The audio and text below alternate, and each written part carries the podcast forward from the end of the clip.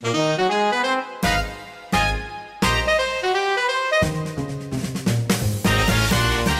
is Bonte Was Podcast. Het wasprogramma tegen blinde vlekken in de media. Uw gids in mediamissers en opstekers. Ik ben Wansi Muller En ik ben Sui Papa Economu. en elke aflevering praten we met een journalist of mediadeskundige over het vak. Spelen we een spelletje in het Blinde Vlekken Kwartet. En geeft woordkunstenaar Atta de Tolk zijn kijk op alles wat we hebben besproken. En vandaag praten we met Racit Elibol, journalist bij de Groene Amsterdammer. En we praten met hem over religie en afkomst. Welkom Racit. Dankjewel. Eh, jij werkt sinds anderhalf jaar bij de Groene Amsterdammer. En jij reageerde heel specifiek op een vacature voor biculturele talent, zoals dat dan heet. Dat en daar twijfelde je een beetje over. Vertel. Ja, jezus. Ehm, we gaan er meteen in. ja. Nee, ja, eh, er was een vacature voor fellow bij eh, De Groene. En eh daarin vroeg ze inderdaad expliciet naar eh, journalisten met een biculturele achtergrond. En ik denk dat veel journalisten met een biculturele achtergrond wel herkennen dat je dan eh, twijfelt. Omdat je natuurlijk aangesproken wil worden op je talent en niet op je afkomst. En dat had ik ook. Maar ik heb uiteindelijk besloten om toch wel te solliciteren en daar heb ik geen spijt van gehad. En waarom besloot je om het toch wel te doen? Ik denk dat als het een paar jaar geleden was, dat ik, dat ik het niet had gedaan. Maar omdat ik inmiddels ook wel mijn eigen kracht zeg maar, zie in die hele diversiteitsdiscussie eh, in de journalistiek. Eh, en omdat ik het zelfvertrouwen heb zeg maar, dat ik ook iets kan toevoegen op dat vlak. Ik snap die twijfel helemaal hoor. Je wil niet die Mhm. collega zijn eh, hè, die, die daar zit vanwege het allochtone potje, zou maar zeggen. En dat heb ik ook kunnen lezen in eh, Zoe en Anne Brechts boek.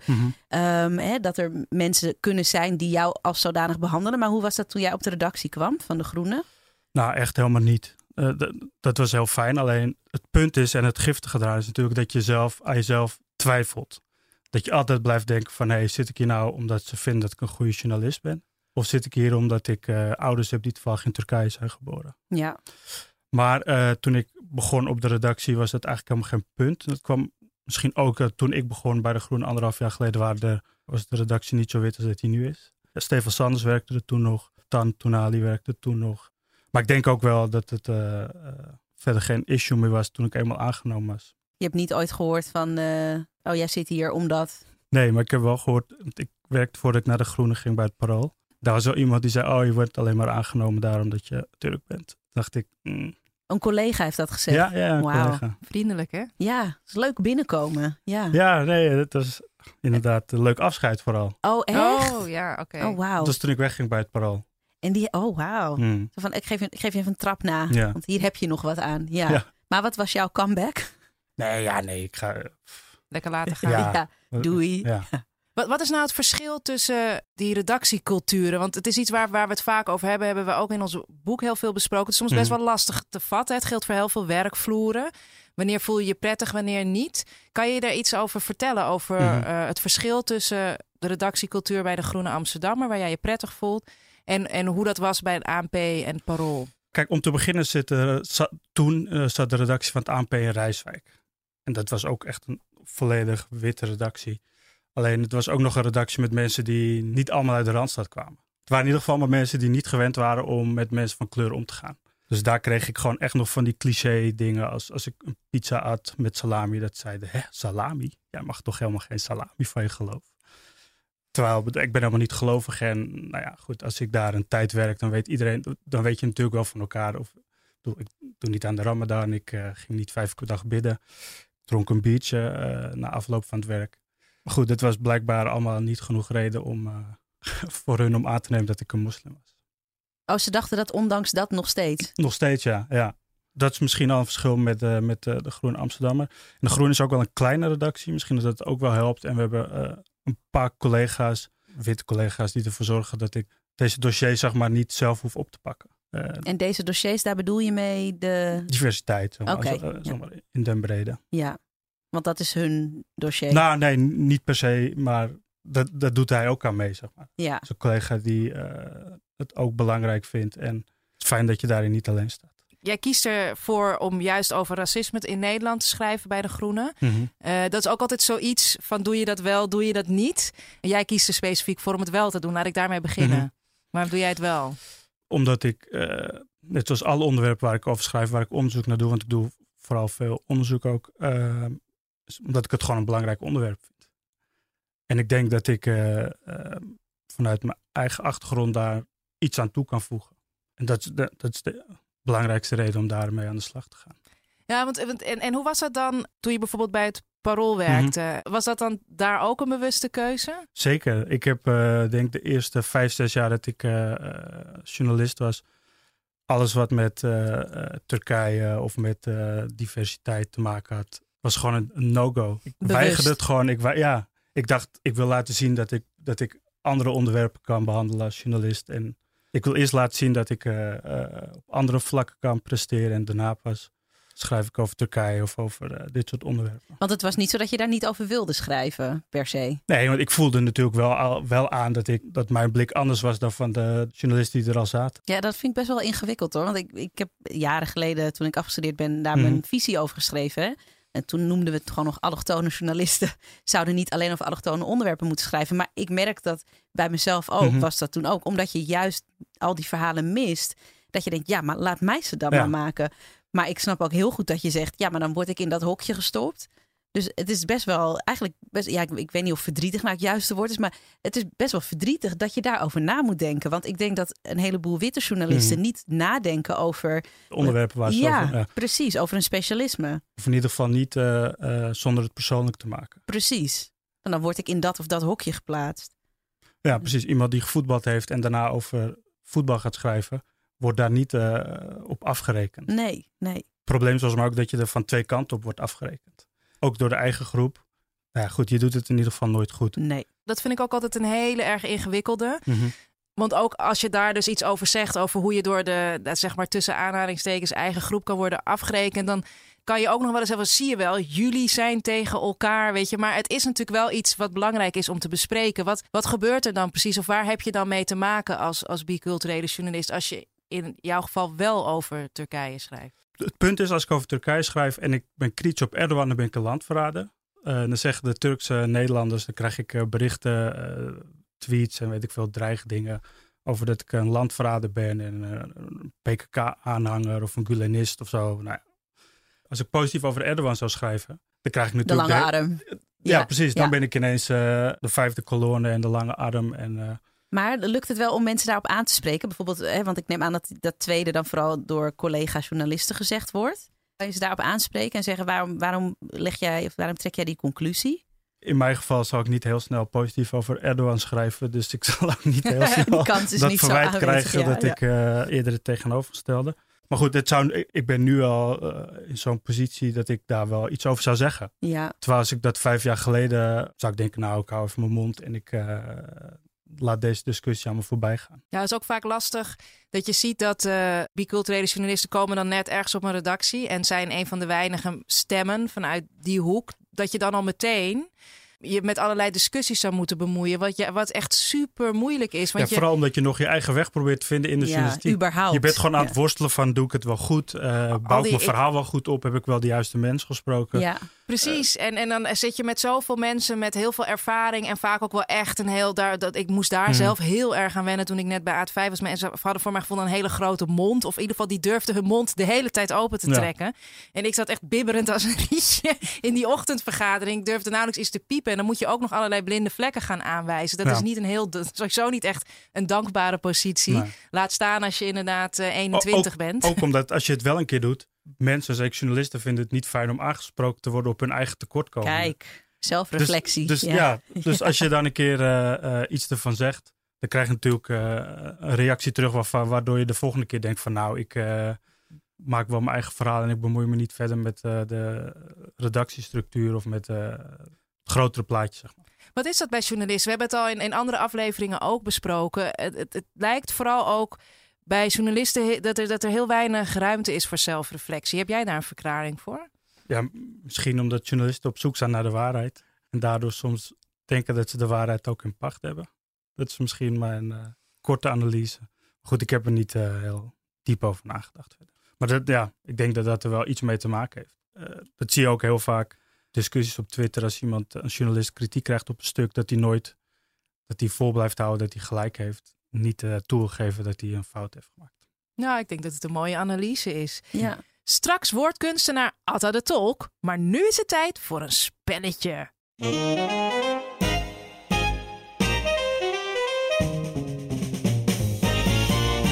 Het Blinde Vlekken Kwartet. Het Blinde Vlekken Kwartet. Het Blinde Vlekken Kwartet. Het Blinde Vlekken Kwartet. Het Blinde Vlekken. Het blinde vlekken. Kwartet. Het Blinde Vlekkenkwartet. Van othering tot framing en van goed gedaan tot twijfelgeval. In het Blinde Vlekkenkwartet zijn we samen met onze gasten op zoek naar voorbeelden hiervan. En zoals bij elk spelletje zijn er prijzen. We geven een fles wasmiddel weg aan het programma of medium dat nog wel wat blinde vlekken heeft weg te wassen. En een effe bonte was podcast t-shirt voor een medium of programma dat lekker bezig is. Rashid, heb je voor mij in de categorie blinde vlekken framing? Framing. Een overtuigingstechniek om bepaalde informatie sterker naar voren te halen en andere informatie juist achterwege te laten. Eh, ja, zeker. Dat is eh, eh, uit een verhaal dat ik net voor de Groen heb gemaakt over eh, racisme. Eh, we hebben toen eh, met iemand gesproken, met eh, Nawal Mustafa. Zij gaf een voorbeeld. Zij werd op een dag gebeld door haar broertje. En die zei van, hey, heb je het AD gezien? Daarover zou hij normaal gesproken niet bellen. Maar dat ging nu over hun vader. Die stond in de krant afgebeeld onder een stuk over salafisme. En zij dacht, eh, mijn vader, salafisme. Dus eh, zij eh, studeert rechten en activist is zijn broertje had gezegd van nou probeer jij dit nou eens op te lossen. Want hoe kan het nou dat papa ineens in de krant staat als salafist? Zij heeft toen de krant gebeld en die heeft na lang vragen en doen heeft de beeldredacteur aan de telefoon gekregen. En die bleek gewoon op internet gezocht te hebben naar salafisme of sala eh, in Nederland en die foto gebruikt te hebben. En het was een foto, haar vader is actief bij een lokale moskee. En in die moskee hadden ze een keer voor een actie om geld in te zamelen, hadden ze gewoon traditionele kleren aangedaan. Want het stuk in het AD ging over de familie Salam. Het is een beruchte familie uit Utrecht met allemaal eh, dubieuze dingen. Alleen hun moskee heet eh, iets met Salam ook. Mhm. Dus ze hadden gezocht op salafisme, Salam, moskee. En toen hadden ze gewoon zomaar een foto gebruikt. Zij eh, had gevraagd of ze het wilde aanpassen. Zei die fotoredacteur van, oh ja hoor, tuurlijk, geen probleem. En met één klik op de muis veranderde ze die foto in een foto van IS. Van een vlag van IS.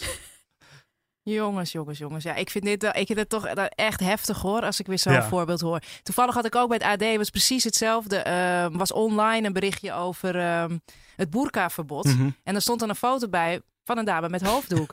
Ja. En er was iemand op Facebook eh, die, die dat eh, mij daarop attendeerde. Mhm, mhm. Van eh, kijk, moet je dit eens zien. En er zitten natuurlijk heel veel stappen in het journalistieke proces. Ja, en je hebt op heel veel plekken heb je mensen zitten die zich ermee bemoeien. Het is gewoon iets wat veel voorkomt ook. Dat er gewoon even een fotootje, moet even Mhm. een fotootje bij gezocht worden. En dan Zonder er- na te denken over wat de gevolgen zijn Ja, voor degene die op de foto. Precies. Er was natuurlijk De impact. in- op de Volkskrant had het natuurlijk ook eh, met die jongen op de voorpagina bij, Bij Schiphol, ja. Ja, Die ja. toen ook een rechtszaak eh, is begonnen. En ook, Nou ja, wat ik daar toen ook zo interessant, sorry hoor, wat ik daar zo interessant aan vond, is dat, dat ze eigenlijk niet wilden toegeven dat het niet oké was, Mhm. toch? Ze bleven echt soort van bij stand van, ja, nou ja, hij, hij, hij moest toch, hij, hij werd toch, wat was het? Hij werd gecontroleerd, Ja. dus wij mochten dat die was foto... toch aan de gang op dat moment. Dat Ja. was een beetje het argument. Nou, als we nu toch het over de Volkskrant hebben, dan wil ik er ook nog wel even eentje infietsen. nou, dat is ook. van. Ja, ja, ja, dus ja, ja, van- Nou, nou, dit was inderdaad een, een eh, eentje die gaat al wat langer terug. Er is een eh, historicus eh, die er ook bij het Haagse Vredesproject betrokken is. De Peace Project, uh, Typhon Balcik. En hij is ooit zelf als Volkskrant-abonnee is hij gaan eh, turven. Mhm. Hoe vaak het woord eh, moslim voorkwam en in, in welke verbanden. Vooral bijvoorbeeld in relatie tot eh, terrorisme. Nou, dat Ja. bleek onwaarschijnlijk veel te zijn. En eh, dat onderzoek is hij gaan uitbreiden samen met eh, onder andere Republiek Allochtonië en Nieuwwij, twee websites. En eh, meerdere kranten daarbij gaan betrekken. Wat ik dan heel erg interessant vind, er is een andere journalist geweest die daar een stuk over heeft geschreven, een Engelstalig stuk. Zij is toen naar al die kranten gegaan, AD, Volkskrant, en heeft een reactie gevraagd. En de reactie van de hoofdredacteur van de Volkskrant op dit onderzoek is: ja, moslim en islam en terrorisme komen nou eenmaal vaak voor. En het is nieuws, dus berichten wij daarover. En eh, ja, als het over de katholieke kerk gaat eh, en seksueel misbruik, zal je ook zien dat er een correlatie is. Ja, waarop eh, de Balczuk ook in het stuk meteen reageert met, nou ja, los van de gekte überhaupt van deze uitleg. Maar eh, dan zou je het niet, je doet dan natuurlijk onderzoek naar christendom in het algemeen. Mhm. En dan moeten we maar eens kijken wat het oplevert. Maar het totale totale gebrek aan zelfreflectie en gewoon helemaal daar niet willen luisteren. En sterker nog, ik weet toevallig, ik was op een gegeven moment een keer uitgenodigd voor een panelgesprek Mhm. waar Typhon Bootzik ook was. Ja. En eh, toen was de hoofdredacteur van de Volkskrant ook uitgenodigd. Of in ieder geval iemand uit de top. En die hebben geweigerd om te komen. Omdat ze gewoon... Ja, nee, maar eh, dit onderzoek ging toen nog alleen over de Volkskrant. En ze voelden zich dan niet veilig om daarover te praten. Nou, Maar ze deden echt- ook alsof zijn, ik, ik, alsof zijn onderzoek niet deugde. Ja. Hij pretendeert ook helemaal niet dat het een wetenschappelijk onderzoek is. Nou, maar doen ze nu wel. Ik bedoel, dat wat hij deed was al... Maar wat, hij is het nu nog verder gaan Ja, uitbreiden. maar het zegt toch genoeg? Het zegt, Ja. de, de uitkomst zegt genoeg. Volgens mij eh, Ja. eh, verschillende kranten en bij in de Telegraaf was 114 keer kwam het woord terreur voor en 113 keer werd het in verband gebracht met de islam. Ja. Wauw. Het is zo venijnig om dan het onderzoek onderuit te gaan halen. Kijk, ik vind ook, je moet naar kritisch altijd zijn naar alles. Dus ook manieren Mhm. van hoe er onderzoek wordt gedaan. Maar dan wordt dus Typhoon in dit geval wordt eigenlijk soort van onderuit gehaald als wetenschapper, als onderzoeker. Ja. Hij, pakt het niet goed aan.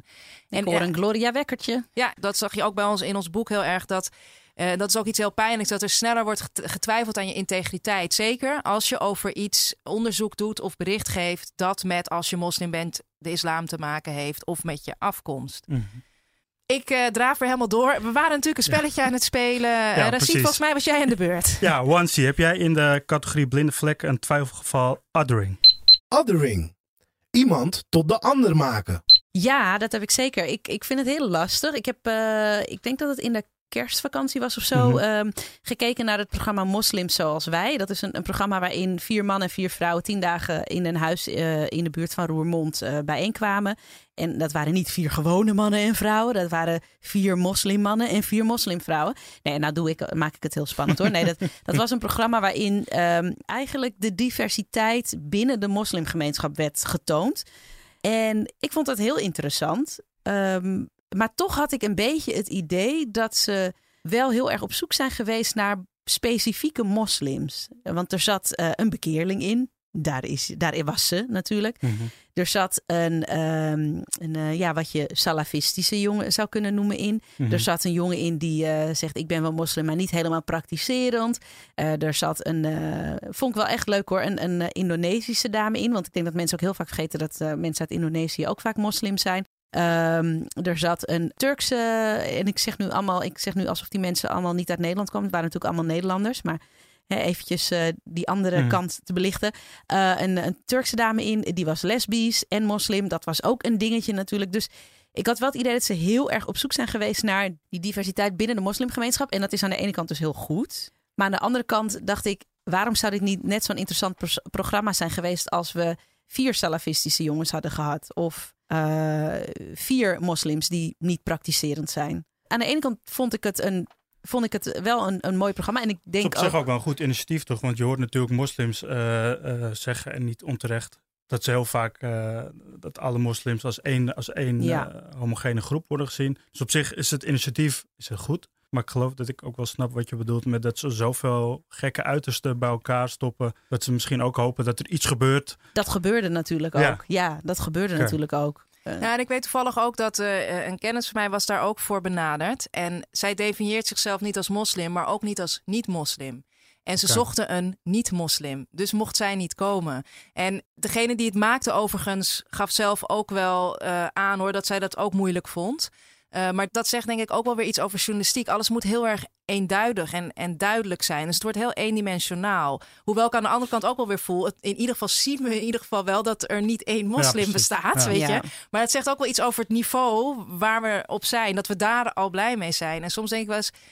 Wanneer komt er gewoon eens een programma waarin ook eh, moslims zijn gewoon als Mhm. onderdeel van de samenleving en niet om, er, om, om mensen gerust te stellen van kijk eens hoe gezellig wij Ja. zijn met z'n dat allen. is misschien een beetje de nasmaak die ik erbij had. We, we presenteren ze nu. En nou, nou kunnen jullie allemaal zien dat ze allemaal heel lief en leuk en, en, en zo zijn. En dat doet me trouwens een beetje denken aan eh, onze grote vriend eh, van de EO, eh, Thijs Oh van der Brink. God. Ja, want die zouden we bijna vergeten. Maar die heeft laatst een gesprek gehad met Joram van Klaveren, eh, oud PVV-Kamerlid die eh, eh, bekeerd is tot de islam. En eh, dat interview was, eh, ja, zal ik dat eufemistisch uitdrukken, subjectief te noemen. ja, Wat zeg je dat eh, Ja. netjes? ja, en daar heeft eh, Thijs van der Brink toen ook nog een column over geschreven. Maar, eh, en, en waarin hij zei dat, dat het helemaal niet zo is dat je als journalist objectief moet zijn. eh, Want hij eh, eh, spreekt uit naam van christenen. Want dat is de achterban van de EO. En, en dat het daarom heel terecht was dat hij niet eh, naïef en zoetsappig was tegen Joram, maar gewoon kritisch. En ik vond dat, ja, ik vond het niet oké. Ik, vond, tenminste, ik vond het een beetje onnodig. Laat, laat ik het breder trekken naar de EO. ik denk dat de EO, nou ja, die, die heeft nog wel echt, echt, nou ja, ik zou zeggen een berg was met blinde vlekken die zo groot is dat die in heel weinig kamers meer past. Deze journalist heeft ook een ander programma gemaakt, wat heette Thijs in de Ramadan. Ook dat was weer echt volgestopt met voordelen. Waarin één gezin, één Nederlands-islamitisch gezin, moest dan symbool staan voor heel islamitisch Nederland. En eh, daar werden hele subjectieve vragen aangesteld. En ook, je bent als, als gezin in dit geval, het werd er gepresenteerd als een soort wisselwerking tussen vraagsteller, de journalist en het gezin. Maar dat was het niet. Het was gewoon de vraagsteller die vanuit zijn frame, dat gehele gezin, ook in een bepaalde frame stelde. En ander voorbeeld nog weer van de EO was dat ze de theoloog eh, eh, Anne Dijk hadden uitgenodigd om eh, deel te nemen aan het programma De Verwondering. Vergissing. Het juiste programma is het vermoeden. En dat is uiteindelijk afgezegd na de opname, omdat de EO er voor iedereen is, maar niet voor de moslims in dit geval. Dus ik vind het een zeer, zeer interessante kandidaat voor een grote fles wasmiddel. Kijk nog even naar Rashid. Ja, dit interview met eh Joram van Klaveren was inderdaad echt tenenkrommend. Maar ook die, die gewoon de redactie of de reacties op zijn bekering in het algemeen wijzen zo erg op, op hoe erg we zijn opgeschoven in hoe we over de islam denken in Nederland. En hoe er over de islam wordt gesproken in, in de Tweede Kamer, in de, in de media. Eh, we, we hebben er onderzoek eh, naar gedaan, ook eh, met de Groenen. En het blijkt ook gewoon heel duidelijk dat er vanaf 2000 ongeveer, vanaf eh, 9-11 en, en, daarna, daarvoor werd er over de islam gesproken als, als, als religie, als levensbeschouwing. Dat was in de media zo, maar ook in de Tweede Kamer. En nu zie je gewoon dat het als ideologie wordt gezien, als iets radicaals. En dat zag je heel goed met toen bekend werd dat Van Klaver inderdaad was bekeerd. Op social media, maar niet alleen op social media, ook gewoon in de media. En Nou, trouwens, nog één, maar één dingetje wat ik daar heel graag nog aan toevoegen is dat die blog waar jij het ook net over had van Thijs van der Brink, daarin zegt hij, hè, zegt hij, doet hij wel heel eerlijk van ik ben subjectief en ik doe dit vanuit christelijke, mijn, mijn, mijn christelijke achtergrond. Maar dat vind ik heel venijnig, want dan scheer je dus ook alle christenen over één Ja. kam. En ik weet, ik ken heel veel mensen die christelijk zijn en die echt niet achter deze manier eh, van interviewen en framing staan. Dus dat vind ik echt en othering en nou, je kan eigenlijk alles erop plakken. het hele alfabet, zeg maar. Maar ja, we waren met een spelletje bezig natuurlijk. En volgens mij heb jij nog een positief voorbeeld slash twijfelgevalletje, maar positief voorbeeld Racit in de Ja. categorie eh, eh, blinde vlekken. Over het NRC? Eh, NRC, ja. ja wat ik goed vind, niet alleen NRC, maar in meer kranten, is dat je, ondanks dat het baby steps zijn, maar dat er wel steeds meer mensen van kleur terugkomen in de krantenkolommen. NRC heeft natuurlijk Lemja gehad als columniste eh, op pagina 2. En dat is een, vrouw met een hoofddoek. Dus nou goed, het, het is natuurlijk ook wel eh, een statement van de krant eh, om haar toch eh, die plek te geven. Eh, ze is nu overigens politiek redacteur en dat doet ze echt eh, fantastisch. Ik ken haar niet, dus eh, voordat mensen denken dat ik iemand die ik ken... eh, Oh, dat mag eh, hoor. Iedereen die je kent die het goed doet, die mag genoemd worden. Ja, hoor. Nee, Ja. maar goed, de- de- de- Ja. ik ken haar verder niet. En eh, haar plek op pagina 2 is nu overgenomen door Lotfi El Hamidi. Nou, het is ook een jongen uit Rotterdam met een Marokkaanse achtergrond. En wat ik heel goed vind en fijn vind, is behalve dat zij dat jonge journalisten kunnen zien dat als ze hun best doen, dat ze op pagina 2 van NRC kunnen komen. Maar dat hij ook een, een laat zien in zijn columns. eh, nou, ik herken veel terug uit mijn eigen leven, laat ik het zo zeggen. Ehm we hadden het er net al heel even over. Over Sinterklaas had hij een, eh, een column over, over hoe hij één dag van tevoren met zijn vader snel eh, een televisie maakte. Dus gewoon papier om een kartonnen doos heen. En dat is dan zijn surprise. Nou goed, oh, ik ben mij... nu eventjes terug naar mijn kinderjaren. Ja, maar toch, maar dat is voor heel veel. Dat, dat is voor heel veel. Dat was in Huizenmuller ook wel het geval. Menige eh tel, ehm, televisiesurprise gemaakt. Ja, Ja, toch? door Nee, mijn vader. Ja. Het is fijn om, eh, om, Om ook jouw verhaal inderdaad in de krant te zien. in de krant Ja, terug te ja. zien. Dus eh, wat dat betreft vind ik dat NRC dat eh, ja, goed doet. Ze hadden ook mooi onderzoek onlangs natuurlijk. eh, Ja, ze hebben onderzoek gedaan naar hoe, Maartje Geels en Wilfred Takker. hoe wit de nieuwsredacties zijn in Ja. Nederland. En dan zie je ook dat het, het is nog steeds niet heel goed, maar goed, het, het is al iets beter dan eh, een paar jaar geleden. Zeker. En het is gewoon de hoop dat ze het ook achter de schermen bij NRC gewoon echt proberen een en ander te veranderen. Dat, eh, dat, dat hopen we dan ja, maar. precies. hè? Dus dat je niet alleen op de, op de heel zichtbare plekken Ja. mensen van kleur eh, zet, maar ook eh, gewoon structureel daar iets mee doet. Maar ik denk wel dat ze er heel blij mee zijn dat ze een dame hebben. eh, niet alleen met, met Marokkaanse eh roots, maar ook nog met een hoofddoek. Dat staat wel mooi in het complete plaatje. Dus dat, dat is dan wel misschien een soort bonus. Dat zou kunnen, maar volgens mij zijn ze ook gewoon heel blij dat ze een jonge vrouw hebben gevonden die dat een politiek dier is en dat de politiek volgt, daar zinnige dingen over zegt en eh, eh, ja, Ja, ik, vind het inderdaad- analyses maakt. ik vind het wel vet dat zij gewoon politiek verslaggever is. Ja, dat het inderdaad niet het, het eh, diversiteits... eh, ja, Maar het is wel, want dat zei Erin, het is wel, je maakt ook een statement als krant. En aan de ene kant past het misschien wel bij NRC, maar je moet, je moet ook wel dat durven. Dat, dat vind ik, daar heb je wel een punt. Mhm. Want het is niet, al- je krijgt daar natuurlijk ook gewoon veel shit overheen. En dan nu het moment waarop iedereen heeft gewacht. De uitreiking van de Bonte Was podcast Blinde Vlekkenprijzen. ja. we moeten bepalen wie we een, Ja. eh, een, een fles wasmiddel gaan geven. En eh, wie er een, eh, een wit t-shirt krijgt dat schoongehouden moet worden. En ik denk dat het witte t-shirt misschien het makkelijkst is om te bepalen. Want we hebben nogal wat voorbeelden Beelden gehad van, Die van dingen die niet goed gaan. Moet, moeten we nog even een recap doen van alles wat, wat er niet zo best was? Ehm, nou ja, we- laten we eerst het t-shirt dan beslissen. Ja. Eh, nou ja, dan, dan, Dan hebben we we moslims zoals wij als Ja. twijfelgeval en NRC als twijfelgeval. Wat zeg jij, Rashid? Ja, ik eh, ga voor mijn, eigen, voor mijn eigen inzending. Ik ga voor de NRC. Zie je, typische journalist weer, hè? Ja, ik heb gelijk. Ja, nee. maar dat is ook omdat ik eh, het programma niet gezien heb. Ja, nee, ja ik, eh, ik, ik En kijk hoe ja. gastvrij jullie zijn. Of jullie met jullie gast meegaan. Of dat Ja, jullie... ja, ja.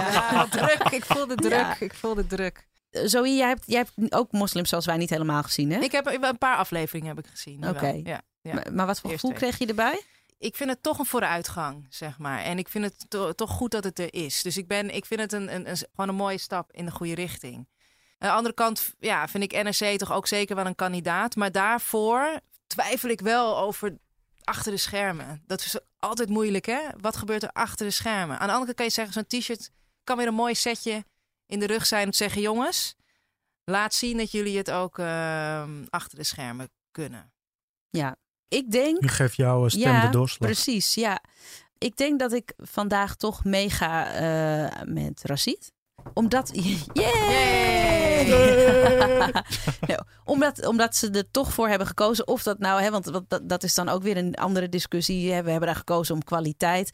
Ik hoop stiekem dat ze er ook wel hebben gekozen. Vanwege de, eh de uiterlijk identiteit en al dat soort dingen. Want het is gewoon belangrijk om mensen ook op die plekken neer te zetten. Dus dat moet je juist wel bewust doen. Want dat vind ik ook wel eens, hè, dat er gezegd wordt: wij kijken niet naar kleur, we kijken niet naar afkomst. Dat moet je wel doen. Ja. Want anders verandert er nooit wat. Dus, dus ik hoop dat dat juist wel heeft meegewogen in de beslissing. En daarom eh, verdienen zij een effe t-shirt dat schoongehouden moet worden.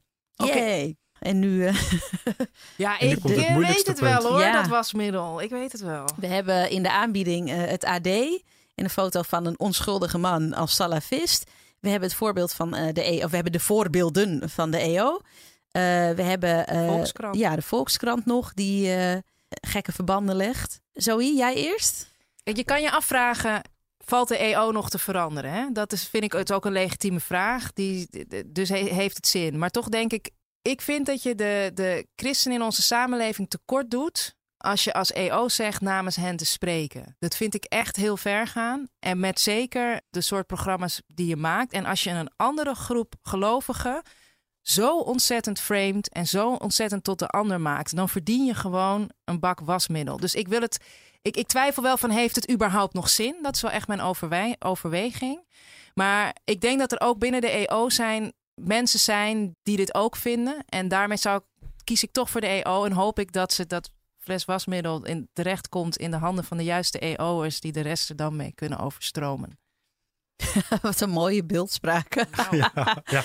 ja, ehm, Ik eh, ga met je mee. Ik ga ook, eh, ja, ja, ik eh, eh, kan me hier alleen maar bij aansluiten.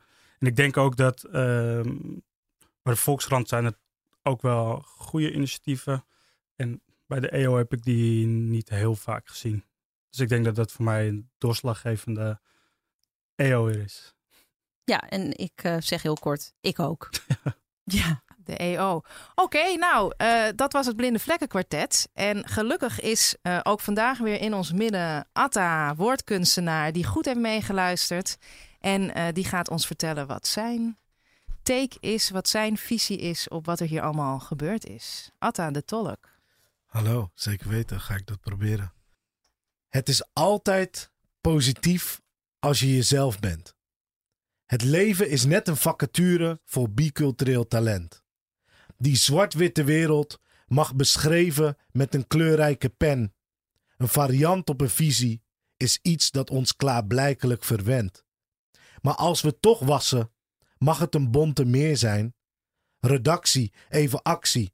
Als het goed is, is het een leerplein. Een spiegel die laat zien wat er gebeurt. Behalve dat, de maatschappij is echt gekleurd. Moslims worden automatisch verbonden aan terreur. Mensen worden zwart gemaakt om verschijning en huidskleur. Om te veranderen moet je wel meespelen. De gekleurde kaarten opnieuw verdelen. Je ziet een kans en gaat naar de balans op zoek, maar kan dus terechtkomen bij een krant in de Turkenhoek.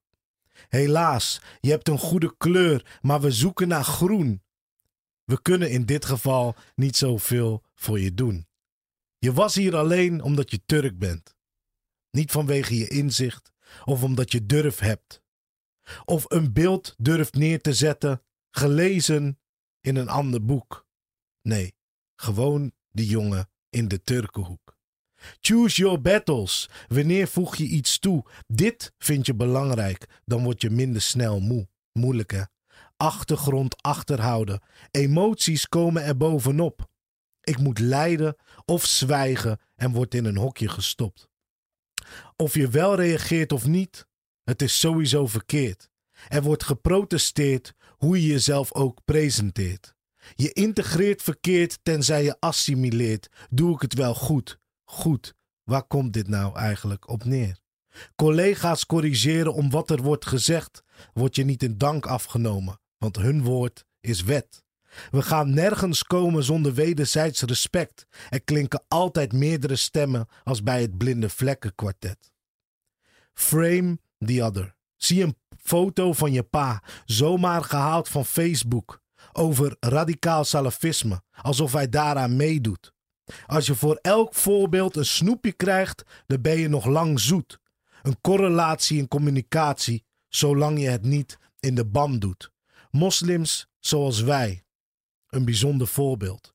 Moslims zoals wij zijn verdeeld. Iedereen heeft een blik en oordeel. Als we juist dat verduidelijken, is het duidelijk dat het doorspeelt. Weet je wat pas hard is? Soms beschrijven ze kleurlingen als dieren bij artis. Eigenlijk telt de grote meerderheid gewoon niet mee. En paradepaadjes zie je bij de NRC op pagina 2. Het is nog niet heel goed, maar het wordt steeds beter. Laten we in de actualiteit deze tijd niet vergeten. Het is jammer dat je alleen afkomst en ras ziet. Je zal wel moslim zijn. Je draagt de naam Rassid. Nu zoeken redacties actief en tactisch naar diversiteit. Maar sommigen snappen het begrip en daardoor ook hun eigen stap niet. Ja. Dankjewel, Atta. Um, Rashid, wat zijn uh, jouw tips om anderen op weg te helpen met uh, deze ingewikkelde thema's waar we het over gehad hebben? Die misschien helemaal niet zo ingewikkeld zijn. Volgens mij is het, zijn er weinig redacties die niet meer diversiteit willen. Alleen volgens mij is er nog wel een verschil tussen het echt willen en het echt willen. En ik denk dat er genoeg redacties zijn die er echt iets mee, die er echt mee aan de slag zijn gegaan. En er nog steeds mee aan de slag gaan. Volgens mij is dat, uh, is dat het belangrijkste. Want als het zo makkelijk was, dan uh, hadden we dit probleem niet gehad. En aan uh, jonge journalisten van kleur zou ik willen zeggen dat ze zich vooral niet niks moeten laten opleggen door anderen. En dan niet alleen door uh, mensen van hun eigen groep, maar ook niet door de zogenaamde gevestigde naam in de journalistiek die ze in een hoek duwen waar ze eigenlijk helemaal niet willen zijn. Mooi, dankjewel. Rashid, leuk dat je er was. Dank je wel dat je met ons hebt willen praten over uh, ja, de vele voorbeelden die er te vinden zijn als het gaat om uh, uh, blinde vlekken in de media. Graag gedaan. Ik vond het leuk om, om hier te zijn met jullie. En succes met je mooie onderzoeken bij De Groene. Thank you. Ja, daar ben ik heel nieuwsgierig naar. Dus, Allemaal ja. lezen, hè? Ja, keep us posted. Ja. En inderdaad op degroene.nl. En in het blad. Top. Dit was Bonte Was Podcast met Racit Elibol.